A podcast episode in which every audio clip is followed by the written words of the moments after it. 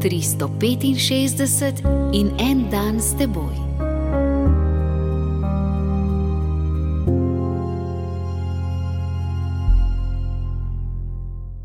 Iz pisma Efežanom, četrto poglavje, 31 in 32 vrstica.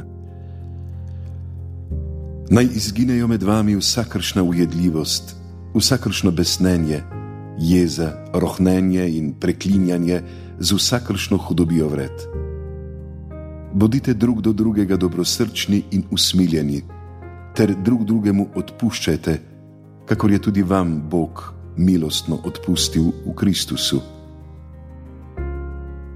V ameriških televizijskih filmih policisti, ki so še slabši kot zločinci, ne odprejo ust, ne da bi stresali prostaške besede. V italijanskih filmih dvomljive kakovosti so še najbolj prijazna stvar zadnjice rosno mladih, nepoznanih igralk. V televizijskih oddajah, od pogovornih do političnih debat, upitje in žalitve navdušujejo občinstvo. Popevke, če naj bi bile angažirane, morajo vsebovati vulgarnosti. V takšni šoli so medsebojni odnosi postali barbarski in nasilni. Ne pogovarjamo se, ampak grdo govorimo. Uporabljamo nespodobne besede in nepotrebna mašila.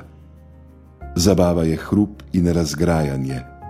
Politika je spopad, pri katerem udarci niso izključeni. Potem pa se pritožujemo, da ni več dobre vzgoje, da tako ne more iti več naprej. Kristijani smo že navajeni, da krenemo, ne da bi pričakovali, da se bo premaknila vsa četa. Zato je naša naloga, da v javno življenje spet prinesemo vljudnost, dobrohotnost, rahločutnost, spoštovanje, brez fanatizma. Toda tudi brez strahu, da nas bodo imeli za pobožnjake in moraliste.